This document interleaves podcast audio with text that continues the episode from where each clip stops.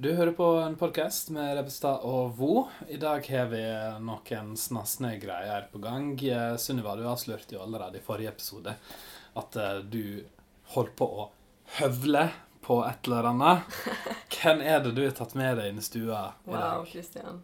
Eh, Mona Høvring, Yes. ikke høvling, Eller kavring, som jeg også som vi dessverre tenker. har sagt. Eh, Jente med dødningehode. Ny, Yes. ny diktsamling. Ja.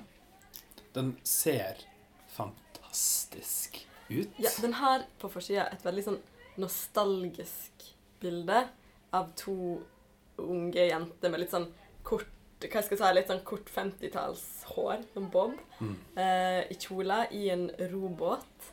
Eh, og hun ene er da i ferd med å plassere en blomsterkrans i håret sitt, mens hun andre sitter med ryggen til og ror båten.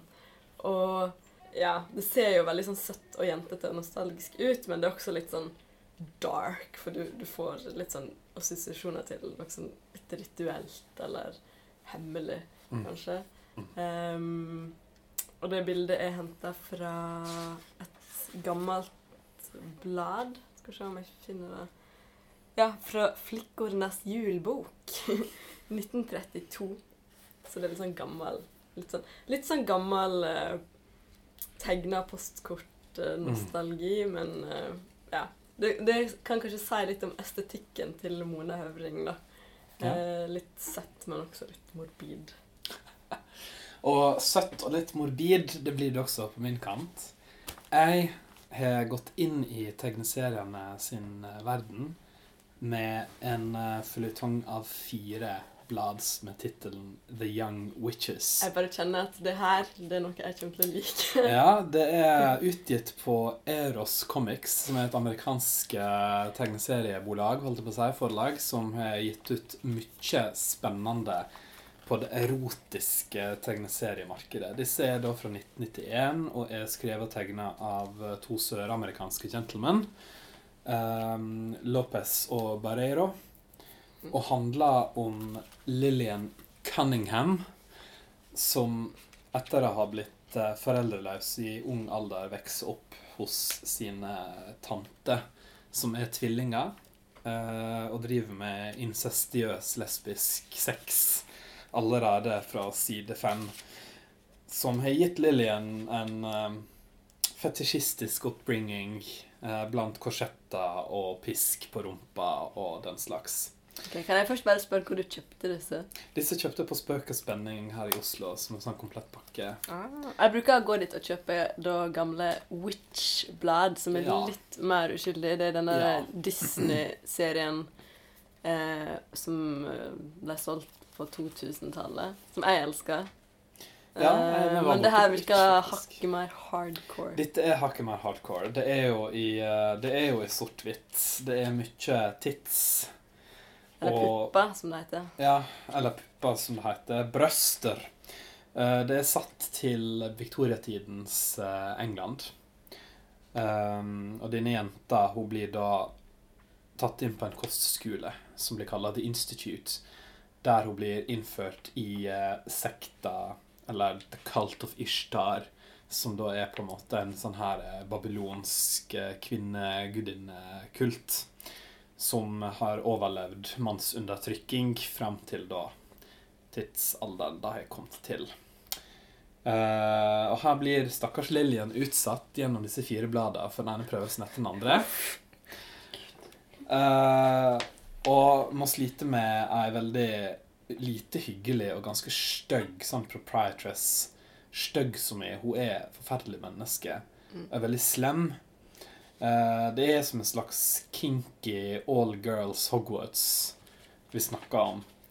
Eh, med veldig mye spesielle innføringsritualer og litt sånn her eh, Vi skal ha kamptrening og Ja, så smakebiter naturligvis i slutten av hvert blad av andre, Ja, andre magasin. da. spennende. De er veldig korte, hvert blad. Det er vel bare snakk om ei 15 sider.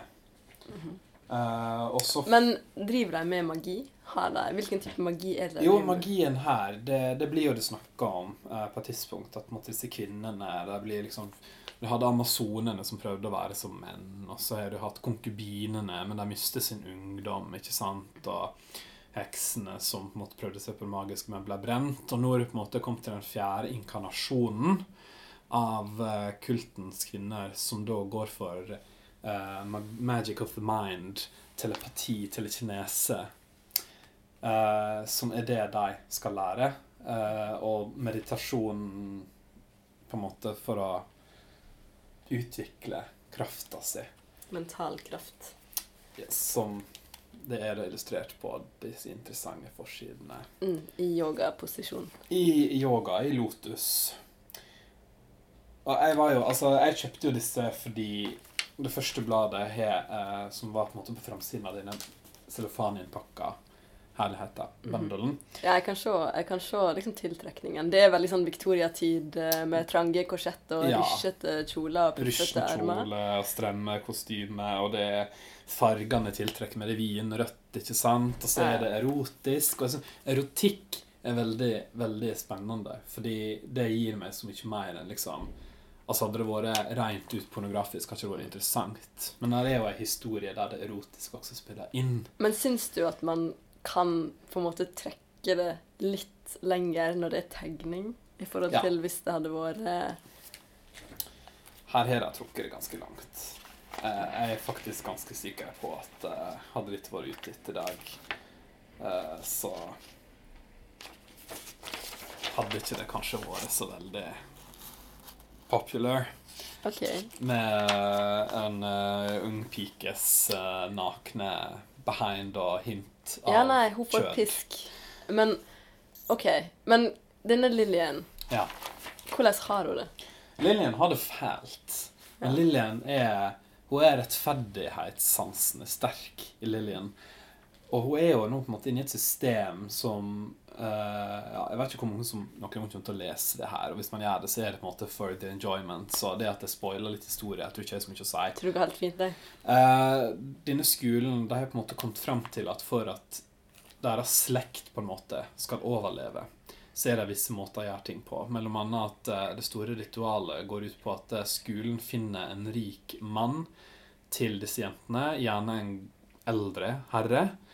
Uh, og kvelden før de sender bort for å bli gift, så skal hun ligge med uh, The Cretan. Uh, en tilbakestående, fysisk disgusting, fysisk ødelagt person, mannsperson, fordi Som de har Som de i kjelleren sin? som de har i kjelleren. Fordi hans sine gener er svakere enn deres. Ew, Han ser ut som en stor baby. Ja, det er litt sånn som, litt sånn som den babyen i Kiro-heksene, typ. Bare Ja, en sumo-baby. Ja, en sumo-baby. Huge. Så den må da ligge med denne her ene mannen som inngår i slekta, som da blir bytta ut fra tid til annen for å holde på en måte the genes fresh, men fordi at um, de må opprettholde disse genene gjennom generasjoner, så må de på en måte holde blodet rent, og da må det være en sånn her innavla, ødelagt mannsskikkelse. Men OK, de som lager den serien her, Mm. hvilke Hva skal jeg si Uh, Hvilke guilty pleasures er det de spiller på når de lager denne serien Dette her? her, dette her er For det er Du merker Altså, det er jo Dette Det er her for spesielt Dette er for wankers and spankers, Ja. For å si det rett ut, altså. Her er det Jeg tror du spiller mye på den her fetisjen som man kan ha for litt sånn Victorian English pleasures, med, med, med det stramme, med disiplinen, med korsettet, med rysjene, med skoene, støvlene, snøring er vel et keyword her. Jeg tror jeg kanskje spiller på et, på et publikum som ikke er ungdom, for det står veldig tydelig 'adults only', og det står oppfordring til alle som selger at de skal holde det borte fra barn og unge. Men jeg tror det spiller på en måte på på unge menn, kanskje til og med unge kvinner. Jeg mener, Det er jo en stor lesbisk faktor her. Uh, alle som etterlyser på en måte porno for kvinner, kanskje vil finne den her litt mer spennende, for den spiller på mer Det er ikke bare porno, på en måte. Den spiller på litt følelser, litt kjærleik. Femininitet. Femininitet, ja. Uh, og det er ikke bare corsets, det er mye nakne kvinnekropper i tunika og den slags.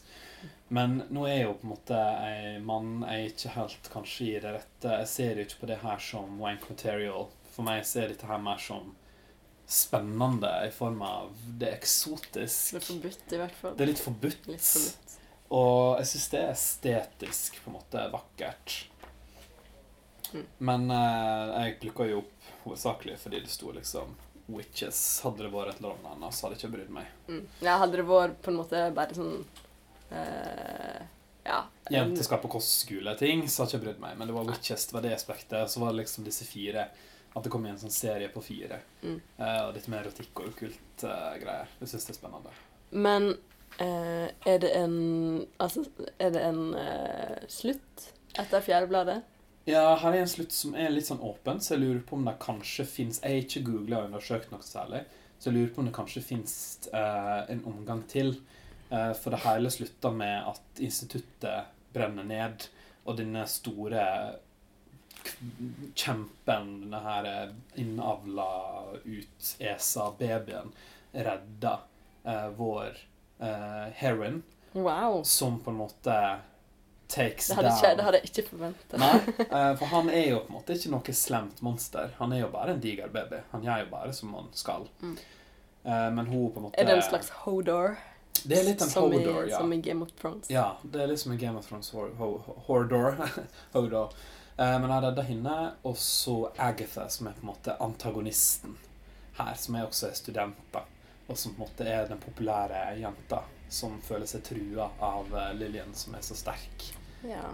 Uh, så jeg håper at kanskje det out there fins en oppfølger uh, der man får se Lillian ute i verden og se hva hun finner på.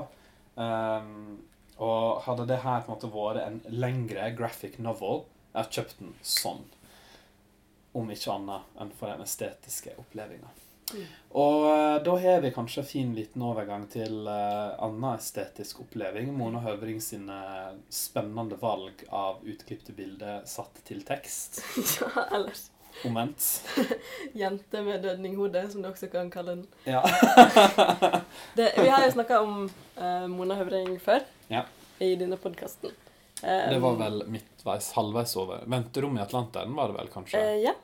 Og det var en sånn kort roman. Og Camilla Collett. Camilla Collett, 'Camillas lange netter', Ja. som var på en måte en roman skreven over eh, Camilla Collett i de lange netter. En slags sånn sjølbiografisk, sø- søvnløs For øvrig to små bøker som er vel verdt tida å gå på biblioteket eller gå og kjøpe dem og lese dem. Jeg leser begge to i ettertid. Not disappointed.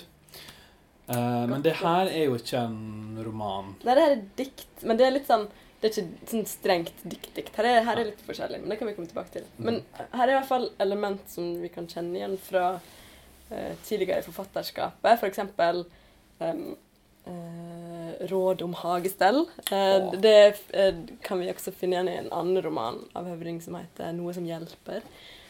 Og så er det um, kirkegårder, gravstøtte. Det figurerer her, som vi også var innom i Camilla Collett. Ja. Og, um, og også søvnløshet uh, er et tema her. Så det, her er element vi kan kjenne igjen, og også det at det er liksom jenter som er hovedpersonene her. Mm. Ofte så blir personene i dikta bare omtalt som jenter.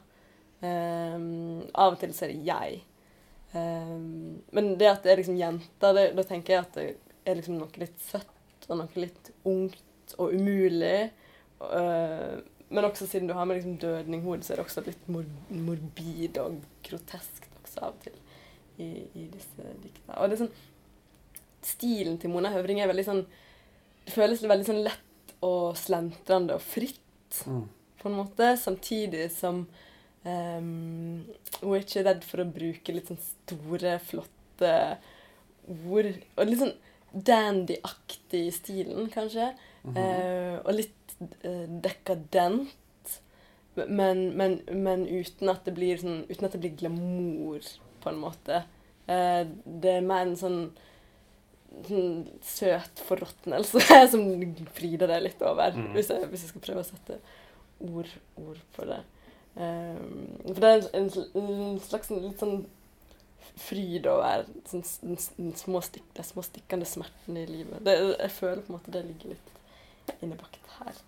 Um, og den første delen så møter vi ei jente som Hun befinner seg mye innenfor på en måte husets fire vegger. Og Mhm. der er liksom foreldre som figurerer, og en far som er sjuk, og en mor som kanskje er litt sånn kvelende. altså ikke, ikke sånn dysfunksjonell familie, da, men at det er på en måte et visst press. Du veit hva, hva du kan forvente.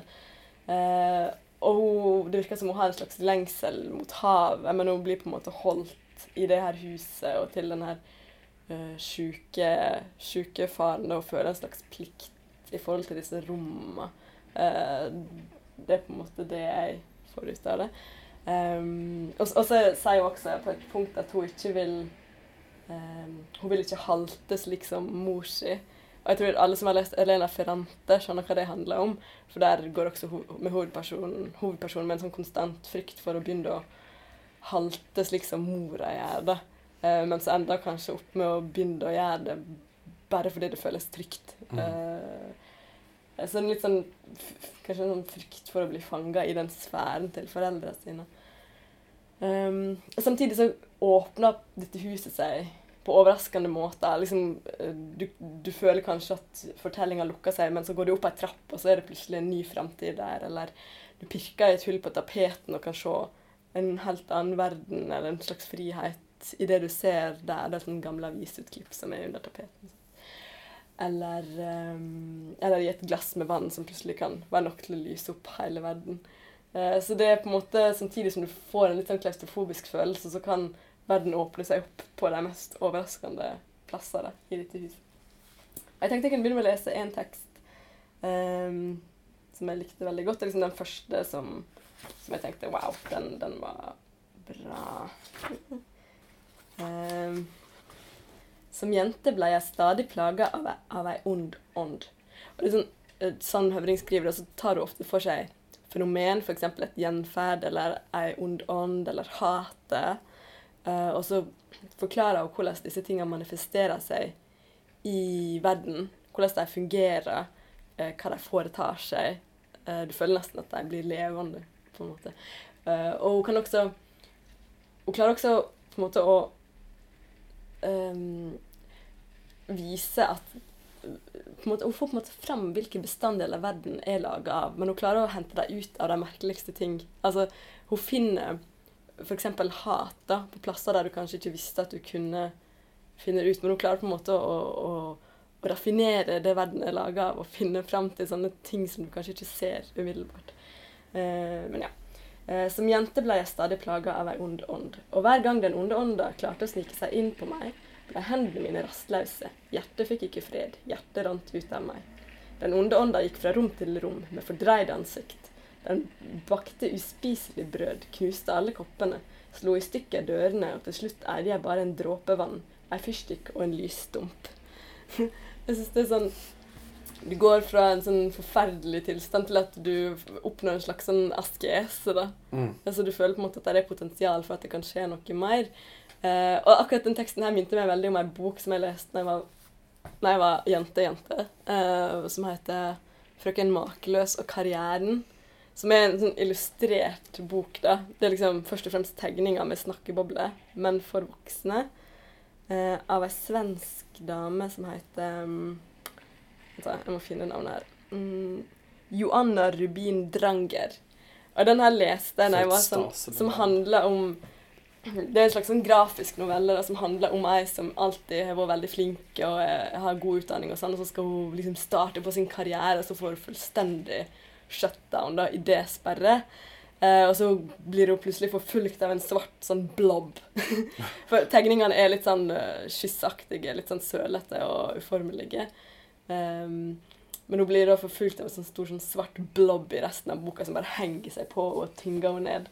Og det var den jeg så for meg eller leste den teksten. Men jeg bare husker så godt da jeg leste den boka når jeg var lita. For det, den kom i, på norsk i 2001, og da var jeg kanskje 10-11. Mm. Uh, og jeg skjønte for det første ikke hva som var problemet med at hun satt og skulle være designer og ikke fikk noen ideer. Altså Jeg skjønte ikke konseptet idétørke. Liksom, hva, hva er det hun strever med? Liksom, jeg, skjønte, jeg hadde ingen forståelse for det. Og så skjønte jeg heller ikke hvordan det gikk an å bli så uendelig tynga ned og desperat av liksom det her, og hva var den her store svarte blobben som fulgte overalt, og hvorfor kunne hun ikke bare bli kvitt den?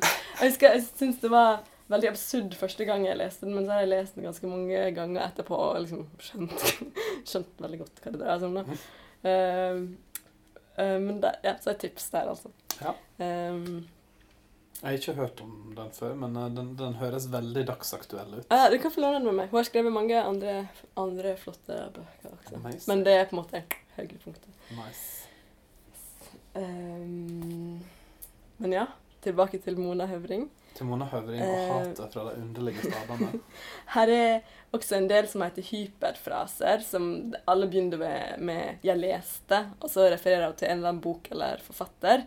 Um, jeg har ikke lest noen av dem, men, men du får da presentert hun sine uh, Da er ikke det som i en karakter eller i en skikkelse, det, føler jeg. Da er det hun sine lesninger og opplevelser av disse bøkene, og hvordan det er å leve ved siden av ei bok, og hvordan det du har lest hele tida, påvirker tankene dine, eller skaper assosiasjoner, eller hvordan det er å ta opp igjen en bok som du, som du eh, leste før, og kanskje kjenner at du har forandra deg, istedenfor at ja, at du har forandra deg. Mm.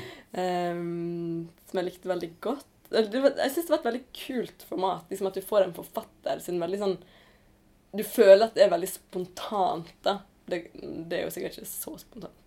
Men eh, spontan respons på et annet verk.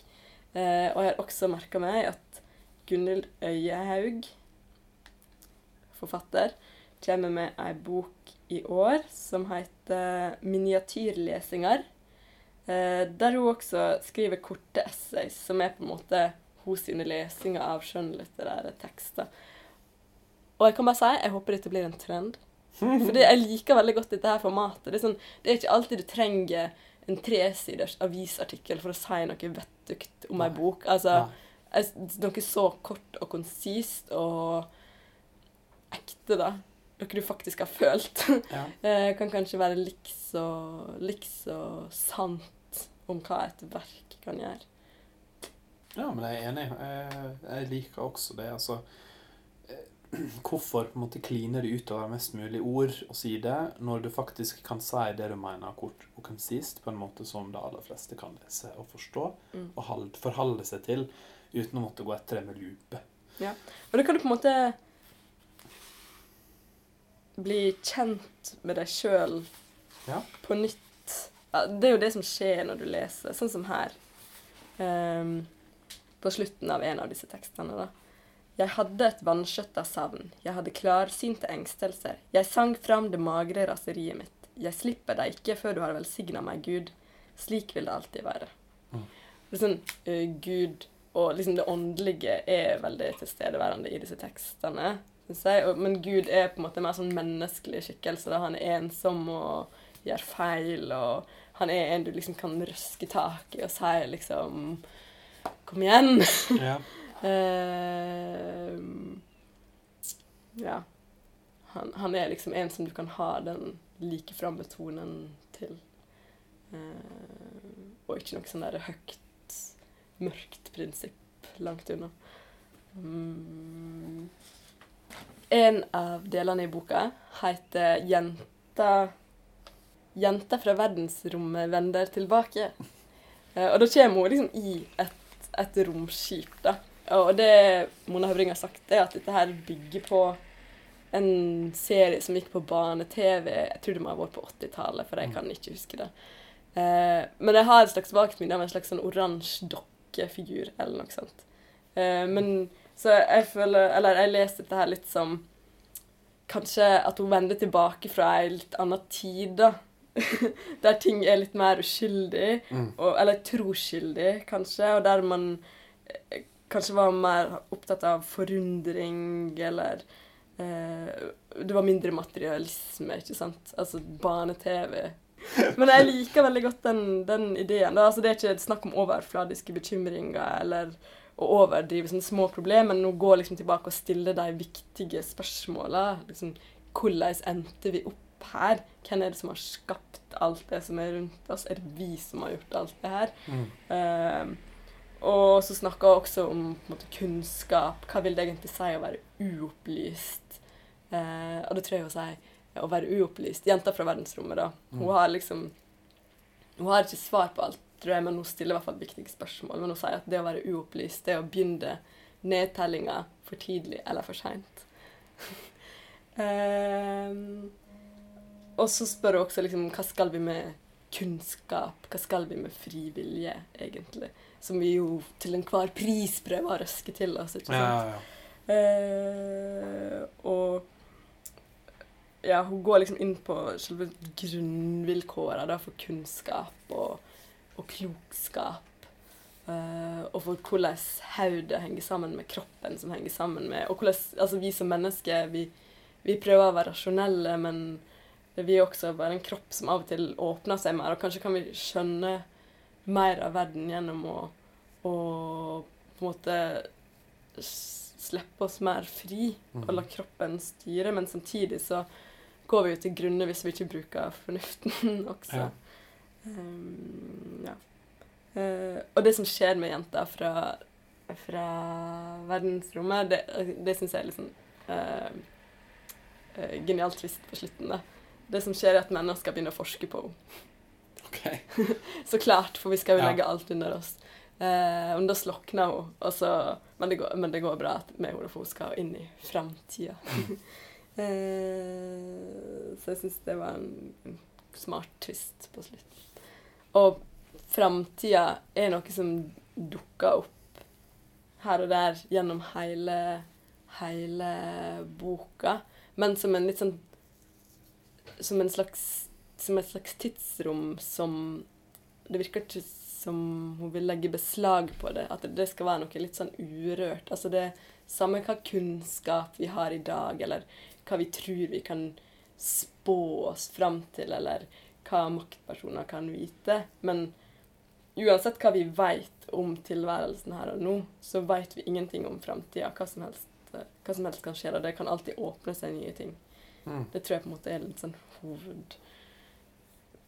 Hovedstraum i det å si. Budskapen i lyrikken. Budskapen i lyrikken. ja. Men jeg likte i hvert fall Jeg syns mange av tekstene er veldig vanskelige. Og det er ikke alltid jeg skjønner kombinasjonen overskrift og tekst. Men det Mm. kan være fordi jeg rett og slett ikke tar referansene. Ja. Men det er liksom Jeg syns den var vanskelig å lese av og til. Men samtidig også underholdende. eh, og veldig vakker. Så jeg likte den godt. Med andre ord, Høvring skuffa ikke.